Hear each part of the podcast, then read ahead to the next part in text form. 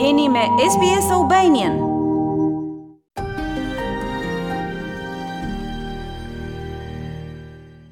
Presidentja e Kosovës, Vjosa Osmani, është e bindur se pas invazionit rus në Ukrainë, anëtarësimi i shteteve të reja në NATO përfshirë Kosovën është i nevojshëm dhe do t'i kontribuonte sigurisë e paqes. Për hyrje në NATO, Osmani i ka shkruar edhe presidentit amerikan Joe Biden. I kam shkruar edhe presidentit të Shteteve të Bashkuara të Amerikës rreth kësaj çështje dhe kam komunikuar edhe me shtete të tjera, duke pas parasysh këto zhvillime të fundit, duke pas parasysh që Kosova është shteti më pro-NATO në botë dhe që anëtarësimi i të gjitha shteteve, të kësaj pjese të Evropës në NATO do të nënkuptonte më shumë siguri, më shumë stabilitet. E vetëm një ditë pas publikimit të letrës, në Kosovë tashmë ka arritur një delegacion nga Shtëpia e Bardhë, delegacioni i prirë nga këshilltarja për siguri kombëtare e Presidentit të Shteteve të Bashkuara Joe Biden, Elizabeth Sherwood Randall, është pritur nga Presidentja Vjosa Osmani. Presidenca pritet të dalë me deklaratë rreth takimit, ndërsa delegacioni amerikan do të takohet edhe me kryeministrin Albin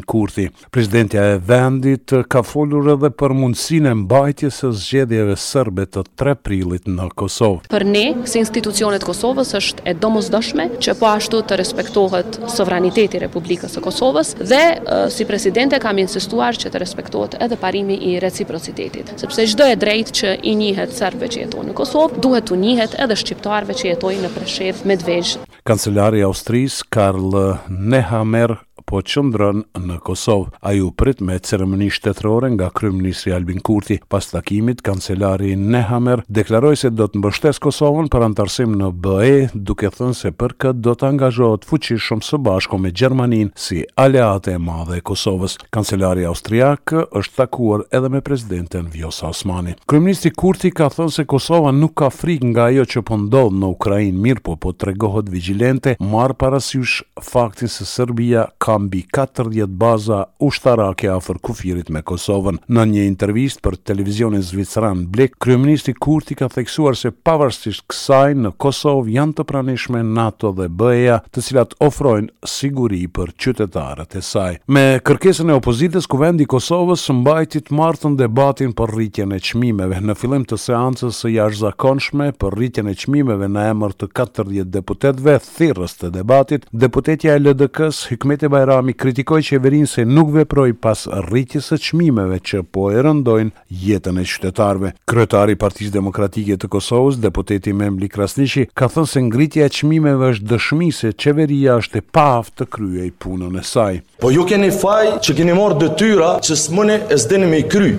Ndërkaq i pari i LDK-së Lumir Abdixhiku pati kritika për qeverinë për të cilën tha se po rri si spektatore, ai dha edhe disa propozime konkrete për dalje nga kriza. Kërkojmë të ketë reduktim të akcizës të TVSH-së në lëndë të parë dhe të heqje të TVSH-së në të gjitha produktet bazike të shportës së konsumatorit. Ndërkaq shefi i grupit parlamentar të AAK-së, Besnik Tahiri, tha se në këtë kohë të ngritjes së çmimeve qeveria duhet t'i ndihmojë më shumë qytetarët. Kërkojmë llogari nga një qeveri që ka fitu mbi pesëdhjetë për qind, e cila, ka marrë masat më të larta në Ballkanin Perëndimor. Pas opozitarëve për ngritjen e çmimeve foli edhe kryeministri Albin Kurti. Ai tha se në ngritjen e çmimeve ka ndikuar edhe lufta ndërmjet Rusisë dhe Ukrainës, teksa theksoi se nuk do të lejohet abuzimi me çmime. Qytetarët duan rend dhe zbatim të ligjit, rritje të inspektimeve dhe dënim të mashtruesve. Qytetari ynë është solidar, nuk po e don mashtrimin, nuk po e don kurdisjen e çmimeve, Nuk po i don kartelet në